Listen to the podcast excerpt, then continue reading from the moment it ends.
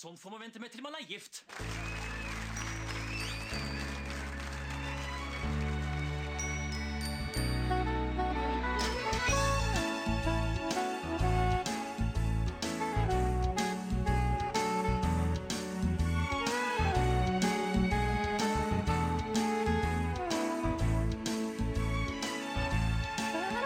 Hei, og velkommen til eh, nok en episode av Norsk film filmpodkast, hvor vi ser norsk film med et kritisk, men kjærlig blikk.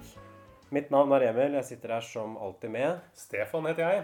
Og i dag har vi sett det som bladet Spirit kalte for den første hardkokte actionfilmen her på berget. Vi snakker selvfølgelig om Isat.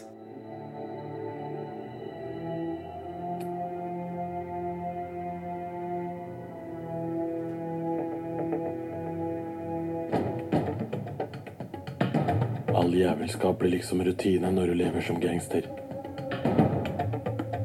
Du tror du er forberedt på alt.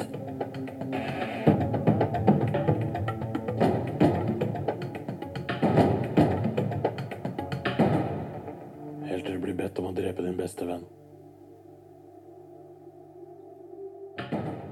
Ja, og dette er jo eh, Det er vel debuten til han derre Imtias, Imtias eh, Rolfsen, Ja.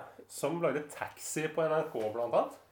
Uh, og han er jo en uh, ja, hardkokt fyr med en hardkokt film. Jeg husker jeg ble gjort en ganske stor sånn big deal ut av da den filmen her kom. At uh, den er jo også skrevet av han Nå husker jeg ikke navnet. Er det. Harald Rosenløv Eeg? Nei, ikke Harald. Han, men nei, han som, eh, han som har regissert 'Tomme tønner', vet du, som spiller i den, Le Leon Bashi. Ah, han, han er jo med på manussiden her, og da ble det gjort et veldig stort poeng at begge disse her hadde innvandrerbakgrunn. Og fra baksiden av DVD-coveret så beskrives Issat som en realistisk dramatisering av gjengkulturen blant innvandrerbarn i Oslo på 80- og 90-tallet, som ble en stor suksess på kino og har høstet lovord blant publikum og anmeldere. Eh, Hva slags forhold hadde du til Issat før vi så den nå til denne podkasten, Stefan? Eh, utrolig nok så har jeg jo sett den filmen her i hvert fall tre ganger før. Og da jeg så den igjen nå, så var det jo en helt ny film. For jeg husket jo ingenting. Jeg har jo helt glemt uh, at Isat eksisterte. Og jeg, måtte, jeg husket ingen verdens ting. Så det lover jo Det, er, det slår jo kanskje an tonen da, for hvor den podkasten her er på vei. Ja, det, det kan man uh, trygt si. Jeg altså, så Isat da den kom. Uh, jeg tror ikke jeg så den på kino, men jeg så den kanskje på TV eller på DVD til og med. sånn etter den kom. Oi, oi, oi. Ja, men jeg var jo 15 år da, i 2005, så Isat var jo en litt sånn tøff film som gutta skulle se. Så jeg kan eh, tenke meg at vi så den på en eller annen sånn filmkveld. Og så husker jeg jo da at syntes den ikke var noe sånn særlig. Jeg tenkte at den var helt grei, og så ja, da var den sett, og ferdig med det. Og har aldri tenkt noe særlig på Issat siden. Um, vi kan jo kanskje gi en litt sånn plott eh, og resymé her. At eh, filmen åpner med en scene hvor noen blir banka opp med et jernrør. Og hovedpersonen får i oppgave å skyte ham. Og så kommer inn en eh, voiceover, en litt sånn grov eh, norsk-pakistansk stemme. All jævelskap blir liksom rutinen når det er gangster. Du tror du er forberedt på alt, helt til du blir bedt om å drepe din beste venn. Og så fryser liksom bildet, og så går vi tilbake igjen i tid. Men det er jo et eller annet off med den stemmen her som ikke passer inn i det hele tatt. Fordi de av oss som kjenner norsk kulturliv så godt som oss, vet jo at dette er jo Zaid Ali.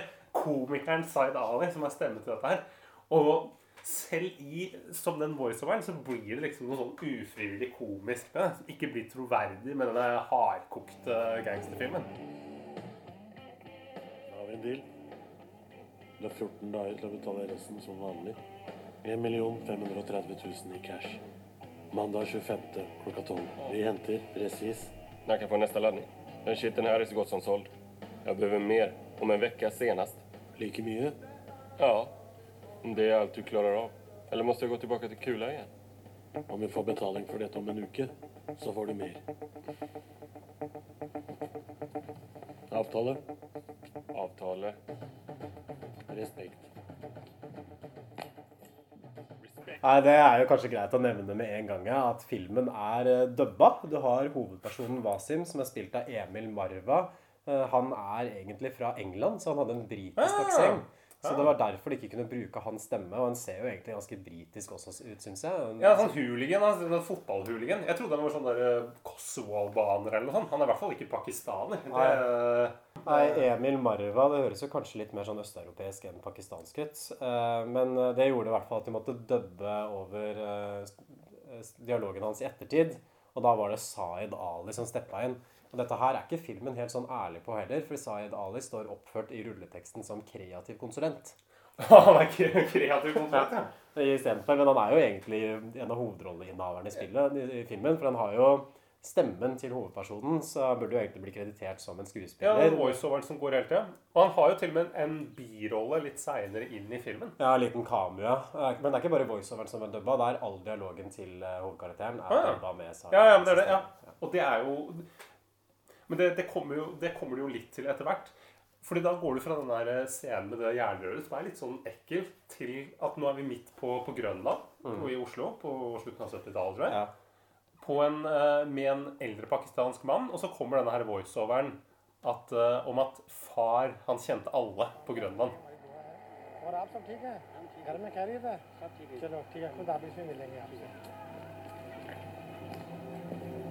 Pappa Pappa kjente alle pakistanerne i Oslo, og alle kjente han. Det tok alltid 100 år å gå ned i gata. Og så skulle han alltid prute. Hei, velkommen.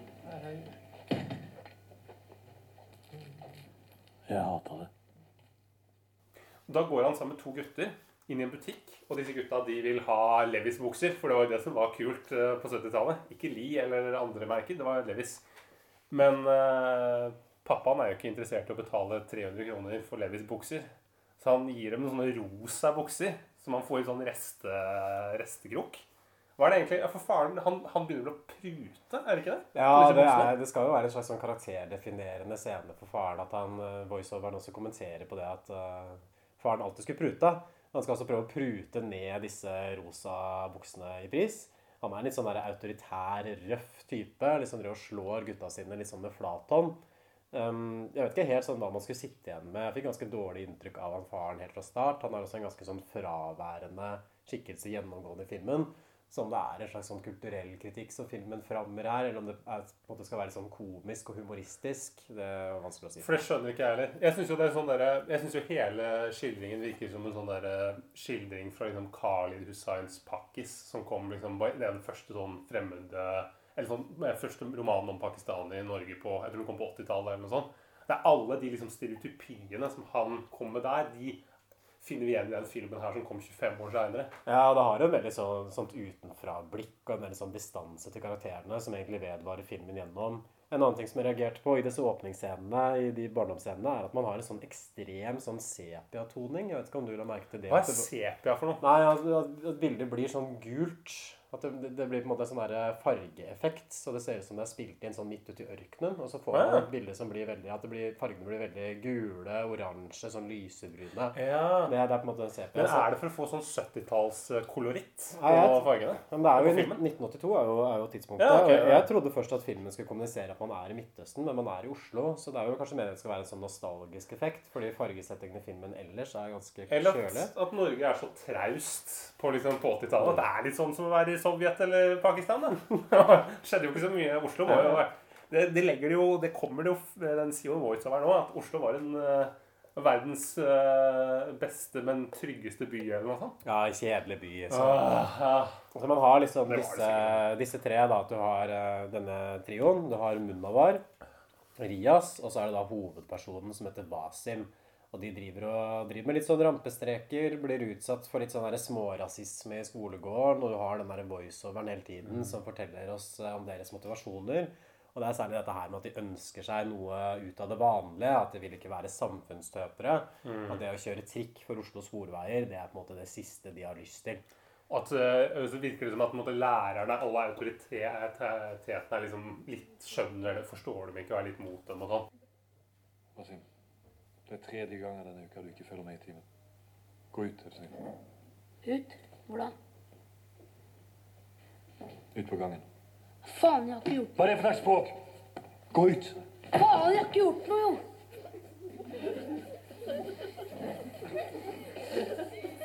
Hva er det som går av dere? Skjønner dere ikke at dere ikke kan oppføre dere sånn her? Den norske skolen er tuftet på respekt.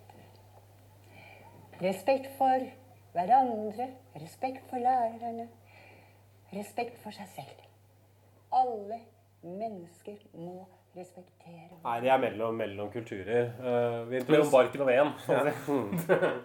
vi Introduseres også for uh, Sadiq uh, og en gjeng med litt eldre pakistanere. Og de er med i en gjeng som heter Eastside Crew.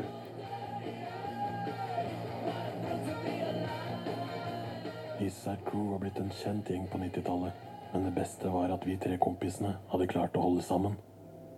Med Navar, Rias og meg. Vi tre var superselgerne. Alt som kunne kjøpes og selges i Oslos underverden. Det tok vi av. Farouk og muskelgutta hans var de som banka, trua og kverka de som kom i veien for oss.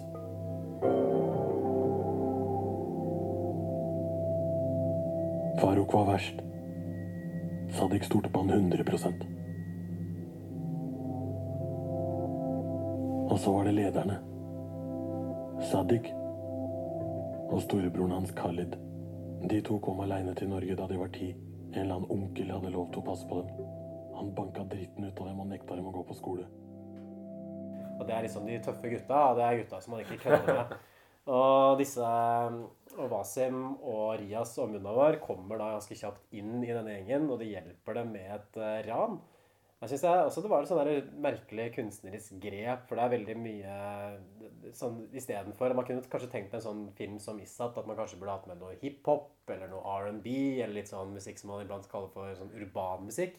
Men istedenfor så får vi mye sånn turbonegeraktig rock. Sånn Ja, er- Glucifer og Kjøtt og Raga-rockers. Veldig mye raga-rockers i den filmen. der. Det er liksom, eh, det liksom eh, 90-tallets eh, musikk. Eller 80-tallet òg. Ja, men hvordan, Hvorfor tror du de har valgt å bruke den rocken istedenfor en musikk som kanskje hadde passa litt bedre til Det er vel det som er litt sånn tidstypisk fra den perioden. Han der Imtiaz eh, Rolfsen han vokste vel opp liksom med å høre på de gamle gutta der. da. Og det er det han da tar med seg videre. Ja, men det er ikke helt tidstypisk. For Glucy, for eksempel, det er et band fra 90-tallet. Her er vi fremdeles i 80-årene. Jeg skjønner ikke hvorfor vi har uh, er Glucifer her med. Nei, det passer veldig dårlig. At det er liksom som man skal tro at man sitter sånn sitter og ser på Døden på Oslo S her, liksom. Eller er det en, noe som prøver å være en sånn autentisk gangsterfilm? Og, og det, det, formspråket også føles mye mer ut som en sånn hvit da, i anførselstegn gangsterfilm enn liksom den urbane, gateorienterte filmen som Ja. Issat prøver å være. da. For det er det jeg får inntrykk av, er at det er liksom en hvit, hvit mann som har laget en gangsterfilm fra et pakistansk miljø. At det er sånn derre Som du sier, det er et sånt utafor blikk. Det er på en måte ikke det er liksom så skildra sånn på avstand, og så er det liksom bare det lesses på med liksom alle klisjeene. Mm. Vognen er liksom full av klisjeer før den liksom dundrer ut av Oslo. Ja, nei, den er, den er veldig sånn gubbete og traust i formspråket. Litt sånn 70-tallsaktig. Mye ganske sånn distanserte bilder. Mm. Ikke så mye nærbilder av karakterene. Og det tror jeg egentlig er pga. den dubbinga. For du kunne ikke ha så mye nærbilder under dialogen, for da ville man jo sett veldig tydelig at det er dubba. Og det gjør man ganske mange steder også, selv om filmen prøver å holde avstand. Og så kamera, kameraføringen er ofte litt sånn statisk. Den er på skinner, eller bare helt sånn stillestående bilder. Så hvis man sammenligner det da med en sånn film som Pusher, da, for eksempel, som er en sånn gatefilm fra København for sånn ti år før den her, så den er jo veldig sånn gritty, sånn håndholdt kamera, Mm. 16 mm, litt sånn røff i stilen. Og det er ikke Isat i det hele tatt. Det er veldig rene, sånn pene bilder uten at det er noe sånn veldig spesielt altså, det er ganske, det er, Jeg synes det er ganske uinteressant filma. Ja. Det er ikke brukt noe sånn Det er ikke gjort noen Det er ingen kreativ kameraføring i den filmen der i det hele tatt. Nei, det virker ikke som man har tatt noen kunstneriske valg overhodet. Og det er liksom Mm. typisk for norsk kunst fra den perioden her, føler jeg, at det er ikke noe sånn bevissthet om formspråket. Og hvordan er det for filmens form, som kameraføring, fargebruk, musikk, skal stemme overens med den historien vi forteller og de temaene vi tar opp. Den, eh, det er det nesten ikke noe av. Istedenfor så virker det som man bare har filma det på en helt sånn streit, pen, litt sånn filmskoleaktig Mm. eh, måte. Det, ja, det, det. det virker som noen som har gått rett ut av filmskolen, og så har de lagd Isat, og så er det Mm. ferdig. Men ja, vi kan, jo, vi kan jo gå litt videre. Vi kan jo kanskje snakke om karakterene her, for nå blir vi jo introdusert for karakterene. Det er den uh, Wasim som er, uh, som er uh, hovedpersonen. Hovedpersonen. Har en far som jobber i, som vasker og vakt på et meieri. Mhm. Og en mor som er hjemmeværende, og som ikke kan norsk. Uh, og som, som vi kan skjønne liksom, som virker litt som å være analfabet. I hvert fall nesten. Ja, det er vel en scene hvor hun, han får med seg en lapp med en fra skolen. At han faller veldig fort utenfor i klasserommet. Der er det også en litt sånn megetsigende bilde av rektoren som sitter foran en rad med portretter av gamle rektor, som selvfølgelig bare er hvite menn, og så noen norske flagg. Så det er vel en slags sånn kritikk at disse gutta her faller liksom utenfor det norske. Mm. Og så får hun en lapp med hjem fordi hun ikke har vært på skolen på en stund, og så skjønner ikke moren hva det står, og så signerer hun med sånne veldig sånn barnslige blokkbokstaver. Eh, Så det er på utsiden her. Kanskje spesielt han eh, Wasim, da. Mm. Og så er det to, og så er det to, han to kamerater. En som heter Elias. Munavar og Rias. Ja, ok, ja, Rias, ja. ja. Nei, ja, jeg kan ikke huske alt rett. Nei, jeg, jeg har notert der. Jeg hadde ikke huska det ellers, tror jeg. Eh, Vi møter også Jan Særlid, som spiller Kula, som er en litt sånn eldre, hvit gangster som skal kjøpe noen greier av Sadik. Han skal vel kjøpe de varene som, eh, som eh, de tok i dette ranet. Best i byen.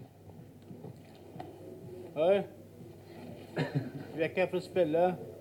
Kom igjen da, gutta. Kula. Jeg vil kjøpe. Andre stedet. Og Jan Særlig er jo en fyr som jeg synes også alltid tilfører liksom, noe litt ekstra til filmen. Det er takket være Jan Særlig at denne filmen her på en måte er noe som helst. Han, jeg syns han han, eh, han han har liksom han, Jeg synes faktisk han Det er jo garantert den beste rollen her. Ja, det, det er nok ganske tvilsomt. Men det skal, det skal ikke så mye til, fordi resten av skuespillet er jo så dårlig. Uh, han er en litt sånn sleazy, slask type. Liksom hvitt hår, sånn bakoversveis, litt sånn halvfeit. Poser under øynene, ser veldig usunn ut. Så Rasistisk og, Ja. og veldig sånn skjønner, Det er ikke liksom noe toppsjikt, eh, dette her. Det er på en måte sånn lavere, litt sånn Ja. Ja, du, du jobber jo med det her, men kanskje sånn lavere sosiokulturelt eh, nivå? Nei, jeg kjøper, eh, kjøper for så vidt den karakteren, altså selv om jeg syns jo ikke filmen gir et sånn troverdig portrett av en kriminell underverden. Men Nei, han Jan, Jan særlig, så han, eh, han kjøper vi får en plottutvikling hvor Wasim blir sendt til Pakistan etter at faren finner ut at han ikke har vært på skolen på tre uker. Um, han følte seg liksom ikke helt hjemme i Pakistan. Han er generelt fanga mellom veldig sånn ulike kulturer, eh, som vi var inne på i stad. Du har liksom foreldrenes kultur i Norge, du har skolekulturen, liksom det norske. Du har Pakistan og dette gangstermiljøet. Og det er liksom det gangstermiljøet som er det eneste miljøet hvor han føler seg egentlig hjemme. Og det kommer jo også fram senere at det å bli deportert til Pakistan, det er på en måte det verste som kan skje. Det er vel en, det er en karakter som sier det at jeg er heller i fengsel i Norge enn å være geitebarn i Pakistan. Sånn, jeg vet ikke, Var det så ille å bo i Pakistan på Jeg 80-tallet? synes det så hadde- helt greit ut å være der. Han ble slått litt og sånn. Man kunne jo rømme opp på noen tak og bare stikke av fra koranskolen og ikke være der. Nei, særlig, Så ille han særlig hvis du er kriminell i Norge, så har du sikkert en del penger du kan ta med deg ned, og du får mer ut av det i Pakistan. Du får jo masse for penga der. Ja. Og Når Vasin kommer hjem igjen, så har faren kjøpt seg et gatekjøkken og så flytta til Stovner. Eh, Jeg syns det er veldig sånn treigt og stillestående oppspillet her, egentlig. At man bruker veldig lang tid på å komme seg tilbake igjen til starten av filmen. Ja, for det, ja, det er veldig mye om den faren og den kebabsjappa på Stovner og liksom mora og uh, Men masse informasjon som vi egentlig ikke hadde trengt. Og så går vi vel videre, og da, da er vel da er alle disse her blitt uh, Da er det nye skuespillere, for nå har jo de gutta, tre gutta blitt voksne. Mhm. Og nå er det jo en del av denne her gjengen. De, de liksom, de selger og dealer. Og så blir vi introdusert for liksom noen nye karakterer. Med denne her voiceoveren som presenterer det mens de går i sånn slow-mo gjennom et eller annet sånt eh, gate, et eller annet område i Oslo. For meg ser det kanskje ut som, så det faktisk ut som vestkanten, men det, det kan jo godt være at det er grønn. Ja, Geografien er litt sånn all over the place. At de er stort sett i gamlebyen, og så er det en scene der hvor de blir påkjørt seinere. Det er på Torshov, så jeg. Ja, det er det med de eh, buegangene. Mm, det fine mm. boligområdet ved Ja. Torshovparken. Jeg, jeg tror jeg opplever egentlig filmen som litt sånn inspirert av Goodfellas, den der Ja. Scorsese-filmen. For den også starter jo med en sånn drapsscene, og så fryser bildet, og så går man liksom tilbake i tid, og det prøver å skildre også dette miljøet på en del sånn romantisk Heller det måte. enn pusher, altså. Ja, jeg, jeg tror nok det, med det unntaket at Goodfelles Goodfellas har jo en del sånn karakterbygging og detaljer og vitser og ting som tillegger litt sjarm. Og det er det jo ingenting av i, eh, i, Isat i det hele tatt. Jeg kan ta et sånt eksempel på det. At du har en karakter som bare kalles for Svensken. Som er en sånn mislykka rocker som liksom dealer dop til andre Respekt, sier han. han Ja. eh, Respekt, da. Helt respekt. Men, nei, men det er sånn, det er en sånn scene der eh, hvor han Wasim er hos svensken, og så skal han gi han et eller annet dop, og så svensken får en dame til å hente en korona til han Wasim, og så bruker så lang tid på det, men det er ingenting. Det er liksom bare han svensken som sier, eller Wasim som spør sånn, kan jeg få noe å drikke?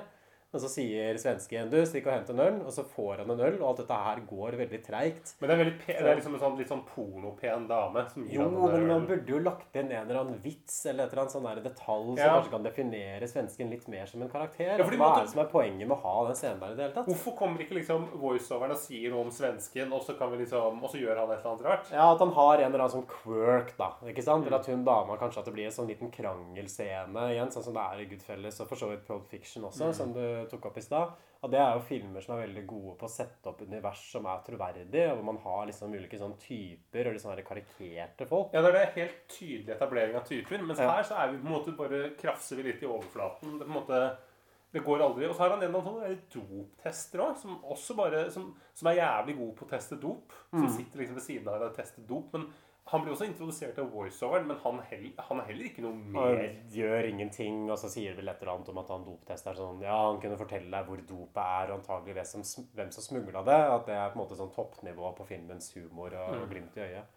Og jeg tror liksom at uh, det man kanskje har tenkt, er at det at de dealer dop, og at det er på en måte en skildring fra, fra et sånt kriminelt innvandrermiljø, det er såpass iboende interessant og spennende, så man Mm. trenger ikke noe mer enn det. Man trenger bare en scene hvor de selger kokain, og så, er bare, så tenker det norske publikum Wow, de selger kokain! Å, så kult. Det er dop og narko. Dette er tøffe gutter. Mm, og sånn halvnakne damer. Og så er liksom de der vil jeg. En sånn fyr vil jeg være. Kanskje jeg skal kjøpe en ny eh, BMW og suse litt rundt i Oslo. Mm. At de elementene er liksom så, så iboende interessante. da, At man ikke trenger, eh, trenger noe humor, eller man trenger nesten ikke noe manus engang.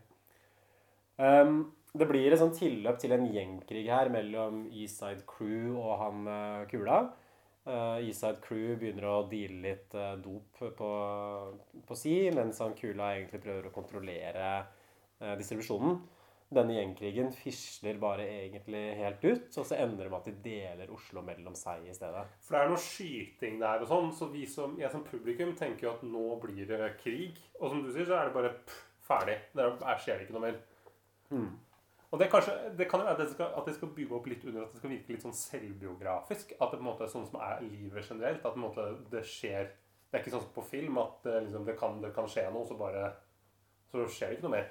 Nei, men det hadde jo vært bedre for filmens del hvis de faktisk hadde hatt med en gjengkrig. og liksom, Det er Ja. liksom merkelig at filmen Det er en del andre steder også filmen virker som man styrer liksom bort fra spenning. Mm. Bort fra sånne intriger som kunne tilført litt uh, liv her.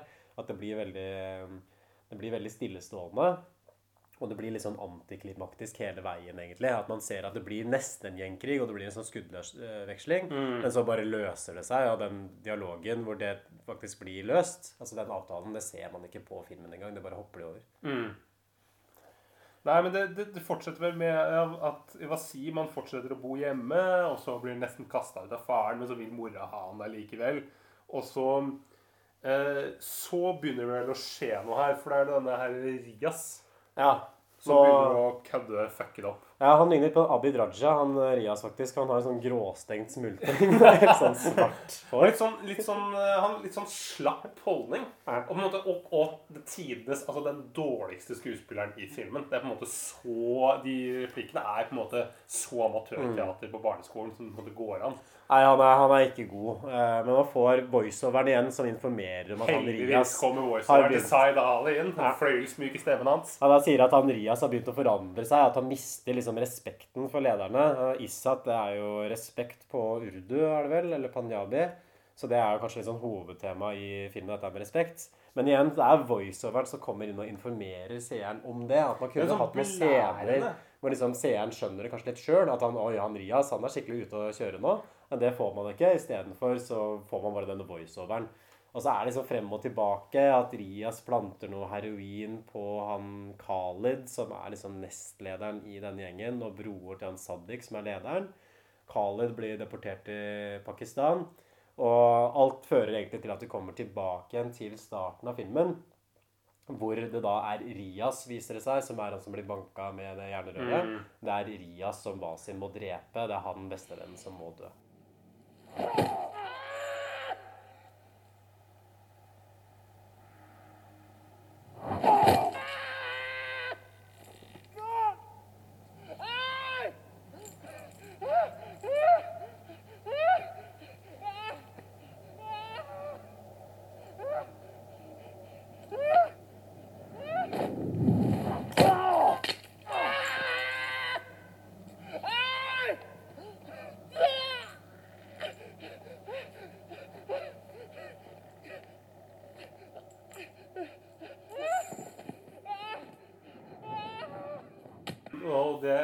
Wasim dreper eller skyter da, sin egen venn, Mm. bestevenn, eh, mens han ligger nede og sånn- Det er noen sånne scener hvor, han, hvor de slår av beina hans liksom bredt av med et jernrør.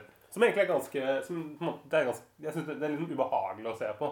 Det er en ganske drøy voldsscene. Det er også en enda mer brutal sekvens, syns jeg, hvor uh, Saddik bruker en pistol for å presse nakne dama til Rias til å si hvor Rias er. At hun ligger der liksom helt naken og forsvarsløs i senga, og så tar han en pistol og liksom fører den opp mellom beina hennes. Altså, det er liksom Senere i filmen også, sånn voldtektsscene som er ganske drøy. En sånn seksualisert vold. Jeg syns det bare framstår som litt sånn spekulativt, egentlig. At man Ja. ønsker å tilføre filmen en litt sånn edge. Og det, er, eh, det, det, framstår som veldig billig. Men jeg, jeg syns virkemidlet det, det, Jeg synes det funker i den filmen her.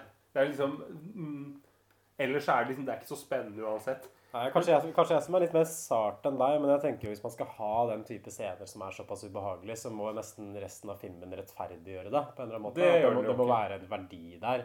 At jeg kan liksom jeg, jeg, Kanskje at jeg reagerer litt ekstra da på den type scener, men jeg kan liksom sitte gjennom det og tolerere det hvis det er i en film som ellers gir mening, og det Mm. blir brukt på en riktig måte. Men i Isat, jeg, jeg tror det bare handler om at de tenker at de må ha et eller annet som er skikkelig drøyt, Ja, ja, ja. for å vise ja, de gutta her, de kødder ikke, ass. De, de Det er hardbarka typer. ja, de slår og skyter og voldtar damer. Se så tøffe, tøffe og skumle de er. Men det er et billig poeng bare for å skape spenning, for at filmen ikke har noe annet. Det er jo det det virker som. Du kan, du kan, som du sier, du kan ikke rettferdiggjøre det. Men det er kanskje det eneste som, uh, som jeg tenker at er noe. Selv om jeg sitter jo med en sånn ekkel følelse i mellomgulvet. Ja, det er, det er jo ubehagelig, for det er ubehagelig å se folk bli voldtatt på film. Og det vil det Mm. alltid være. Så det kan jo, alle kan jo filme en voldtektsscene og gjøre den ubehagelig. Men sånn, det som ellers egentlig skal være liksom det dramatiske vendepunktet her, det er jo når Wasim skyter han eh, Mm. bestevennen sin Rias. Og den scenen har jo bare null dramatisk effekt, Ja. fordi filmen har jo ikke etablert det forholdet mellom de i det hele tatt. Ja, for dette er helt uh, dette er liksom, Det er helt denne Rias Vi vet egentlig ingenting om han, annet enn han går i hvit joggedress og har gullkjede. Ja, man har, ikke, man har ikke sett noen sånn scene hvor de koser seg og det er morsomt sammen. Etter altså karakterbyggende Nei, liksom, eller han Wasim- forteller noen hemmeligheter, eller Ja, eller bare ha en scene, sånn der, skrive en scene hvor Wasim må hjelpe Rias å flytte, flytte eller et eller. Da, ikke sant? Og så kan de le litt rundt det, at de drar ut og spiser. Sånn, kom igjen, det burde ikke være så vanskelig. Hvis dette her på en måte skal være det store Mm. dramatiske vendepunktet i filmen, så må det nesten føles ut som det betyr noe. Og det, det gjør det ikke. At, det, at filmens sånn fortellerhåndverk er virkelig helt sånn pill råttent. Altså. Mm. At det bare blir verre og verre egentlig utover filmen. Når filmen forsøker å bli mer sånn dramatisk, så faller egentlig alt bare fra hverandre. Det funker ikke. Men det, og det som skjer etterpå, er jo at eh, Wasim går rundt og har veldig dårlig samvittighet. Og vi som publikum skal sikkert føle veldig med han. tenker sånn, å stakkars deg, så fælt du har det. Men vi gjør jo ikke det. Og er det en, eh, der er det en fascinerende scene hvor, uh, hvor Wasim og Khalid og hele den gjengen her de skal prøve å verve en eller annen pakistaner som driver frukt- og grønnsaksbutikk, til å dra ned til Pakistan og ta med seg uh, Stappe heroin uh, opp i magen uh, og driter ut etterpå og ta det med til, hjem til Norge. Faruk, du får halvparten nå. Resten ved levering. Minus 10 for dette lånet.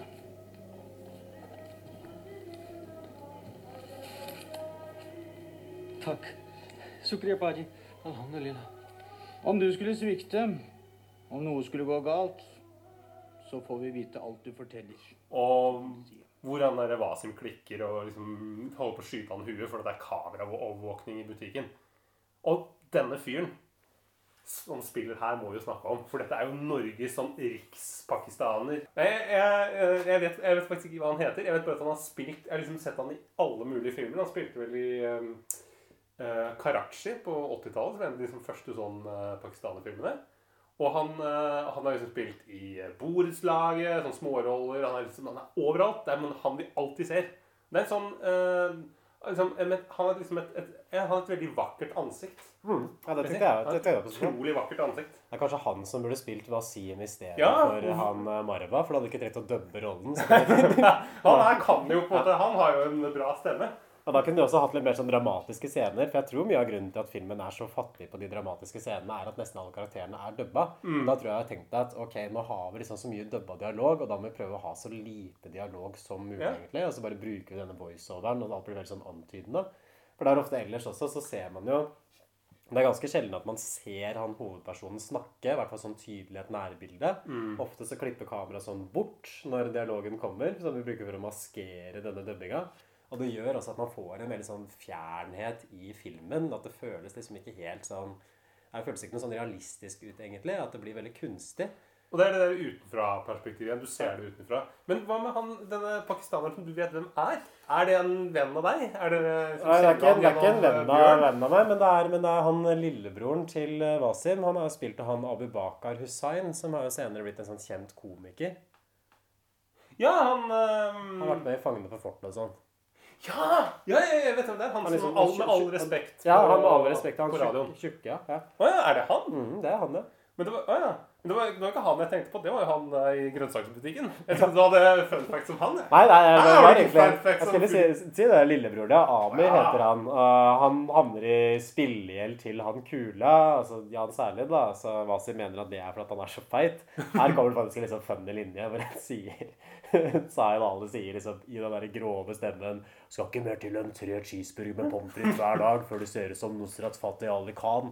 Det syns jeg var faktisk en sånn genuint ganske morsom linje. Sånn en av, en av få. Så det kan hende at Zaid Ali kanskje bidro litt med den. At de burde jo kanskje brukt han som en sånn humorkonsulent, egentlig. for for, men har jo, han har jo vært kreativ konsulent, så han har jo kanskje sikkert bidratt med mye mer. eh, Ja. Men det er, det er jo egentlig det beste. Men dette også er en karakter som ikke definerer Altså han, Egenskapene hans det er at han er, han er tjukk, han liker å game, han er glad i cheeseburgere. Eller game Eller nei, han gamer ikke, han spiller pengespill. Han spiller blackjack og poker, for Kula driver et sånn der kasino, sånn utrolig lite sånn troverdig kasino, som ser ut som det er tatt liksom ut fra en Sopranos-episode og bare satt inn på Grønland. Ja, med en sånn, der, med en sånn, der, sånn speil som du har på politistasjoner, hvor du på en måte ikke kan se Du kan sitte inn og se ut, men de kan ikke se deg. Ja, de, de, de ser ut som et speil, og så på den andre Åh. siden kan man se gjennom, og gjett som- hvem som står foran det speilet. Ah, der, det er den digge dama der, ja! Det er en jævla digg dame som står og, som står og retter på BH-en sin rett foran speilet der. Ja, Ja, flaks det, da. Ja, det var flaks for gutta. Ja, for han så kult å ha kontor der. Der vil jeg ha kontor også. Ja, stå og se, sitte og se på det hele dagen. Ja. Jeg vet ikke om det er så mye vits å liksom gå gjennom alle de der plot-elementene herfra ut. fordi nå er det det som egentlig skjer sånn overordna sett, er at det begynner å rakne sånn skikkelig for han Wasim. At han havner på en måte på utsiden av alt. Han havner på utsiden av, av denne, dette Eastside Crew. Som egentlig er liksom først og fremst pga. at broren har den spillegjelden. Så tar han kula av bankeren, og da vil Mm. Wasim drepe kula. Men så skal kula Saddik ha en eller annen narkodeal, bla, bla. bla, bla. Og han ender egentlig opp helt sånn aleine. Havner uh, i trøbbel med familien sin, og får også trøbbel med Saddik og Jan særlig. Ikke rør deg! Ikke rør deg! Rolig nå, Wasim. Kan vi ikke bare snakke om det her? Hold kjeft. Vi ordner dette her. Ta det rolig. Hold kjeft!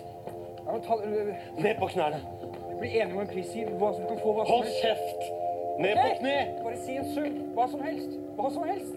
Du kan ikke leve dette her. Det er ikke riktig, dette her. Hæ? Du skal dø nå. Hva gjorde du med broren min, da? Det, det det. Og det ender med den scenen som jeg var litt inne på i stad, med at Jans er litt voldtar søstera hans. I en veldig sånn ekkel scene som man også ser to ganger. For det er også et sånt element at de filmer den scenen, så man ser også opptak av det seinere i Mm. filmen. For den, den skal du virkelig bruke for hva den er verdt. Når Ja. du først har den grove scenen. Av voldtekta så bør man vise den to ganger i Ja. ah. ikke bare én. Og, er en litt sånn ufrivillig komisk scene her også, syns jeg, hvor han Wasim sitter og tar kokain i bilen sin mens han hører på Madrugada. Den Ja, ja når han uh, Norges mest sexy mann, uh, Sivert Høyem Ja. Veldig, er Den musikken også er helt off. Han kunne like godt hørt Bjørn Eidsvåg med Floden eller Altså, altså, den karakteren sitter ikke og hører på Badrugada i bilen sin i det øyeblikket der, men det er jo fordi at det er den låta Her Majesty, så den har jo en sånn åpningslinje sånn So am I good or bad? Og da skal man kanskje stille det spørsmålet som med Wasim også. Herregud, han er jo egentlig en fin fyr, men se hva han har blitt til nå. Nå Han er jo så hyggelig på familien sin og kjører til moskeen hver søndag, nei, lørdag. Ja, men Det er jo ganske lett å svare på, for han Wasim er jo bare sånn kriminell dritt. at Man ser jo aldri Ja. at han gjør noe sånn godt for andre. Han er bare sånn egoistisk, middelmådig skurk. Nei. Så det, det, am I good or bad? Det spørsmålet er veldig enkelt å svare på. Han er ikke en god person, han er også en uinteressant person Men som ikke er selv hvis han, for at han kjører familien sin til moskeen og, Da sånn. krasjer jo bilen. Det, det er da det krasjer oppe i Torshov der. Ja, faren får hjerteinfarkt av han på sykehuset og sånn. Jeg lurer jo også på hvilken moské de egentlig skulle til der. Fordi faren og familien de bor jo på Stovner. Og så skal de til en eller annen moské, og så kjører de over Torshov.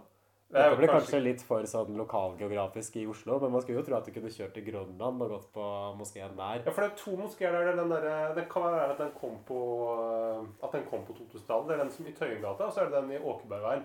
Og da ville jo, Du ville jo egentlig kjørt uh, via Carl Berner og så Sars gate og sånn nedover. Det er jo på en måte å liksom borte ved Vaterlands bro og så inn et eller annet sted der. Du ville aldri kjørt men du vil ikke eh, Torshov. Nei, det er helt feil. Nei, inni det der eh, komplekset der. Så Kanskje de har noen venner der som skal hentes, en eller annen tante eller noe sånt, som også skal med. Altså ja, Helt til slutt, sånn, jeg vet ikke, er det noe vi trenger å kommentere mer på handlingen her? Um, ja, liksom, det, er, det er en del sånn twists and turns. ikke sant? At Wasim drar på et eller annet tidspunkt ned til Pakistan for å kurere noe heroin sjøl. Så de scenene i Pakistan det har de faktisk filma på location, så det skal de i hvert Mm. fall ha. Det er liksom en sånn kul ting at man gjør. Fikk de ikke støtte for, fra Filmfondet da, for å dra ned dit? Og så kan ta en tur i Pakistan og henge litt i Lahore og sånn? Det det er jo også sånn pluss at mye av handlingen foregår på punjabi. Altså at de Mm. snakker punjabi, og det husker jeg var en ting som ble ganske um, omtalt da filmen kom. Um, så det, det bidro til å heve intensiteten noe. Men um. Jeg synes, jeg mener. Jeg synes også de, ja, som sagt, de scenene i Pakistan gjør det, gjør det for meg liksom litt mer troverdig. Men eh, det er jo det. Er jo det. det. Det slår meg som en veldig At du på en måte Du har brukt veldig mye penger og har fått en, veldig, en film som liksom som, som du har, du har spytta mye penger i, men du har fått fryktelig lite for penga.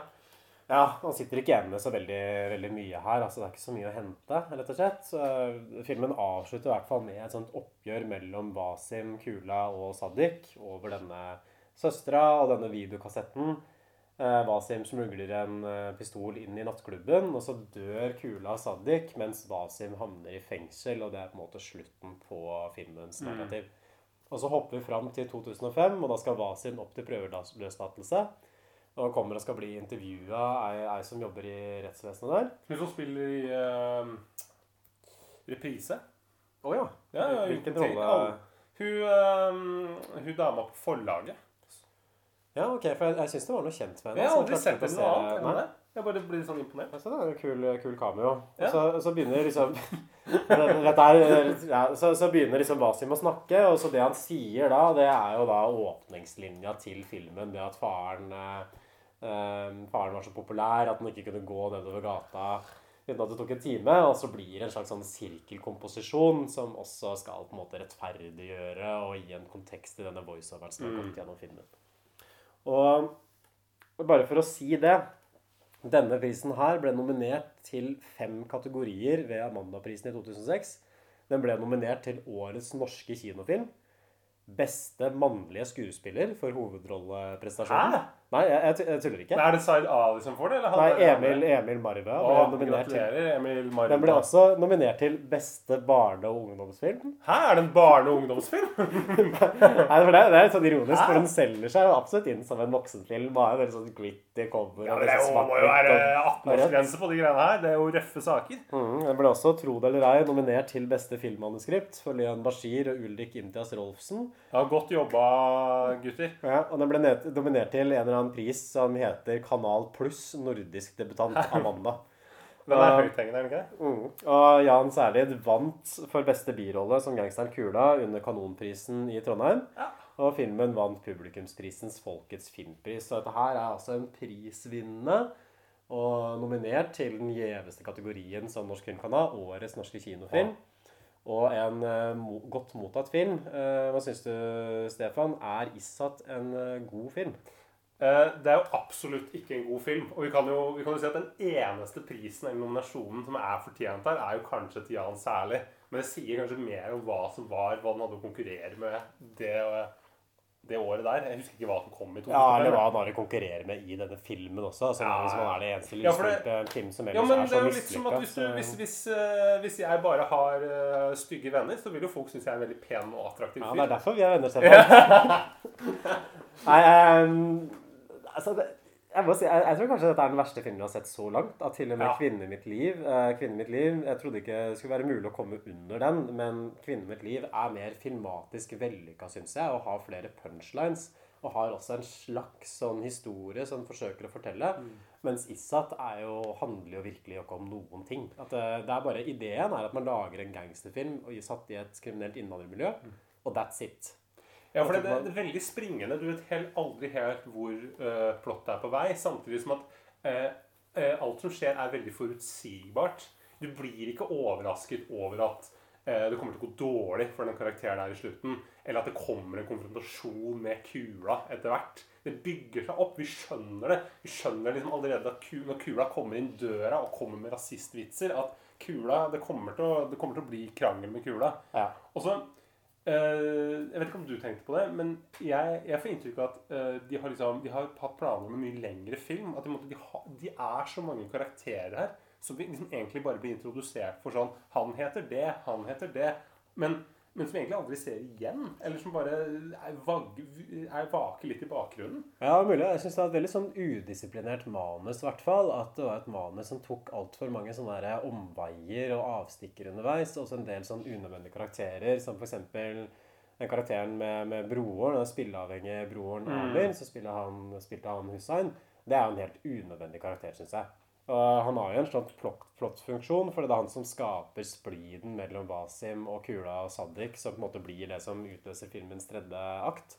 Men eh, det kunne man jo egentlig gjort med et eller annet som Wasim sjøl gjorde. Og man liksom Ja, at han fikk spillegjeld, eller at han sleit med ja, han, han, mistet kunne få spillegjeld, penger. eller bare havne i en sånn ulykke, bare finne på et eller annet annet. Og det er sånn gjennomgående med at man har jo også liksom søstera til, til Wasim, som er en slags eh, karakter, men som aldri blir sånn egentlig definert. Det at han har to venner, at du både har han Munnavar og Rias, men hvor er det han Munnavar blir av? Han bare forsvinner. Ja, han bare stikker. Det er det eneste stedet vi liksom vi ser For det er noe sånn at Munnavar skal bli bedt om å smugle dop på samme måte som han i Ja, så stikker han bare av.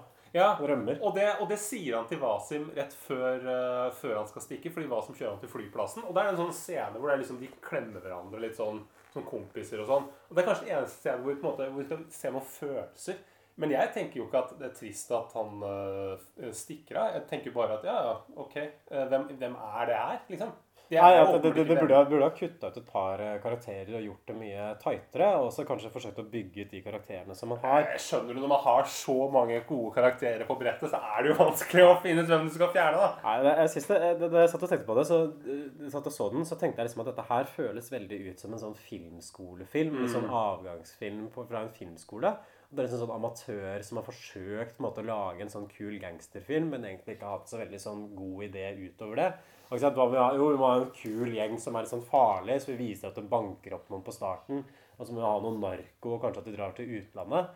Men det er liksom ikke noen andre ideer i filmen enn det som eh, er liksom ideer som man finner i alle sånne typer gangsterfilmer. Og det gjør også at hele filmen føles veldig sånn hul og underutvikla og sånn Mm. rushed. Samtidig også som at pacingen er veldig treig og ujevn. Og du har også den er derre pacing? Pacing, eller sånn tempo på filmen. Oh, ja. Det går veldig sånn i rykk og, rykk og napp handlingsmessig. Og, og man har også denne stilen som fremstår som veldig upassende da, på innholdet i filmen. At filmen skal liksom være en sånn røff gangsterfilm, samtidig som den har den veldig sånn klassiske, distanserte, nesten litt sånn kunstfilmaktige 70-tallslooken. Pluss masse bare sånn Oslo-rockemusikk som jeg ikke fatter hvorfor de har valgt i det hele tatt. Sånn derre i 2005 så hadde man jo mye kul norsk hiphop som man kunne putta inn, som hadde vært mye mer sånn tro mot perioden også. Det er 90-tallet. altså Putte inn noe Warlocks eller noe sånn Tommy T-greier hadde funka så mye bedre enn det man faktisk fikk. Ja, Jeg blir jo overrasket over at ikke Jo Nesbøs De Derre er med i den her. Det var da Hadde de- Rumba med Gunn Kunne eller spilt 'Jenter som kommer' og 'Jenter som går' eller et eller annet sånt. Da. Erik Vea eller Håp, kanskje. Den kunne vært på slutten. Nei, nei, jeg, bare, jeg bare skjønner ikke sånn, hvor, Når er det man har tatt disse kunstneriske valgene, så har man tenkt gjennom det man har lagd i det hele tatt? For det framstår ikke åpenlyst for meg at jeg har gjort, altså. Hva faen gjør dere her? Faen er dette her for noe, Sadik? Hva holder dere på med, gutter? Den kukken har banka opp broren min. Kasim, slapp av. Ta det rolig. Bort med pistolen. Hva betyr det? Betyr det at jeg kan reise meg opp nå, eller? Selvfølgelig. Hvis vi skal begynne å runde av, sånn er det ofte, så snakker vi litt om sånn temaer og generelt sånn der, hva er det denne filmen her sier om Norge. Men jeg føler ikke at Issat har jo ikke så voldsomt mange temaer at den handler liksom ikke om noe. Så man kunne jo kunne kanskje reflektert litt sånn igjen, da. Hvorfor kunne denne filmen her bli en såpass stor suksess som det den ble? Hvorfor gikk ikke denne filmen her som bare rett på VHS og bare rett inn i glemselen, men har blitt stående som en slags sånn film som man husker? Og jeg tror det handler om Litt sånn som ungdommens råskap også, at norsk film på det tidspunktet her var så underutvikla. Så det bare at man fikk en film Mm. som liksom var satt i et sånt innvandrermiljø, og som kanskje var lagd av noen innvandrere sjøl, og hvor du snakker panjabi Nå veit jeg ikke om eh, Ulrik Imtiaz Rolfsen var eh, innvandrer, altså, men i hvert fall pakistansk, eh, folk med pakistansk opphav. Og at man liksom handler om den siden der i Oslo. Jeg tror det i seg sjøl var liksom nok til at filmen på et eller annet plan ville bli en suksess. At det, Mm. bare det at det var, at bare han, hadde det handlingen som den har, helt sånn overfladisk, og så trengte ikke filmen å ha noen kvaliteter utover det å liksom ha liksom interessant på det tidspunktet premiss. Ja, for det er, det, er den, det, er, den gjenkjennelsesfaktoren. som du, måtte, du var ikke vant til. Du hadde aldri sett en film satt i Oslo. Som, som, eh, en sånn actionfilm som er satt i Oslo. Det hadde du sett liksom i USA, kanskje til og med ja, i Sverige også. Men i, i Norge så var dette her noe helt, uh, sikkert noe helt nytt. Men det, det, har, det har jo virkelig ikke tålt tidens tann, den filmen her. Nei, Jeg vet ikke om det er tålt tidens tann. Men om bare, bare om her, var, her Oslo, jeg, jeg tror den filmen her var dårlig da den kom. Ja. Altså, du kan jo se på Pusher, da, som er en film som kanskje er nærliggende å sammenligne med. Sånn Pusher kommer det sånn 1996 eller 1997 eller et eller annet sånt. Og det er jo en helt fin gangsterfilm som fremdeles fungerer den Ja. dag i dag. Og er jo lysår framme foran Isat på alle mulige måter. sammenligne det. Det blir på en måte som å sammenligne julebrus og eh, ja, chardonnay. Ja, men altså Jeg, jeg veit ikke, ikke helt om jeg er enig. fordi hvis Pusher kom i Danmark liksom på slutten av 90-tallet, så burde man ikke hadde klart Ja. å lage en god gangsterfilm i Norge kunne man kjørt i 2005. Lær bruk noe håndholdt Mm. kamera og litt røffere Ja. filming og sånn. Ikke kjør med den derre eh, glatte, men helt uinteressante kameraføringen der. Ja, det, det, det er ikke, de har ikke så mye bedre forutsetning der nede i Danmark at de liksom skal kunne utklassere oss så mye gang på gang, men det er jo det som, det som skjer, da. og jeg må si at jeg ble overraska over hvor svak jeg syns Isat var som en film. Jeg hadde ikke trodd at jeg skulle Jeg, jeg, jeg trodde den skulle være helt grei og liksom interessant, men jeg hadde ikke trodd at den skulle være et nytt bunnivå i podkasten. Så jeg Men- føler at det er den der. Ja, fordi 'Kvinnen i mitt liv' har en underholdningsverdi. Den er eh, kanskje ufrivillig morsomt, og det er liksom en og annen eh, scene som er litt sånn fornøyelig. Men her er det jo Det er, det er ingenting. Jeg sitter, det jeg sitter igjen med, at det er, det er en del litt sånn ekle scener som jeg syns de, får til- de får til helt greit. Ikke mer enn det. Helt greit. Men resten er jo bare Det er jo total katastrofe. Det er liksom Det er ingenting her. Hva terningkast, eh, Emil? Nei, Det kan vel ikke komme som en overraskelse at det blir en ener, tror jeg. Så ja. Ja, Ener fra meg også. Tenk at vi er enige. Ja. For så- en, for en gangs skyld, Ah, Stefan, så er det det. fantastisk. Vi må se, vi må- vi må se flere gangsterfilmer. Det blir nye retningen. for Ja, det tenker jeg. Og flere norske gangsterfilmer. Norske dårlige gangsterfilmer, det blir vår nye bread and butter på NFF. Ja, jeg kommer ikke på noe flere, men vi kan jo, kan diskutere det etterpå. Så am I.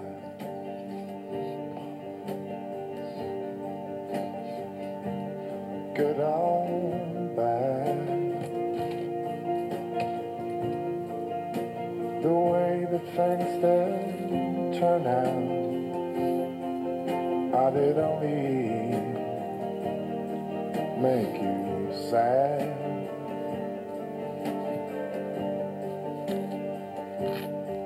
And we cried and we cried.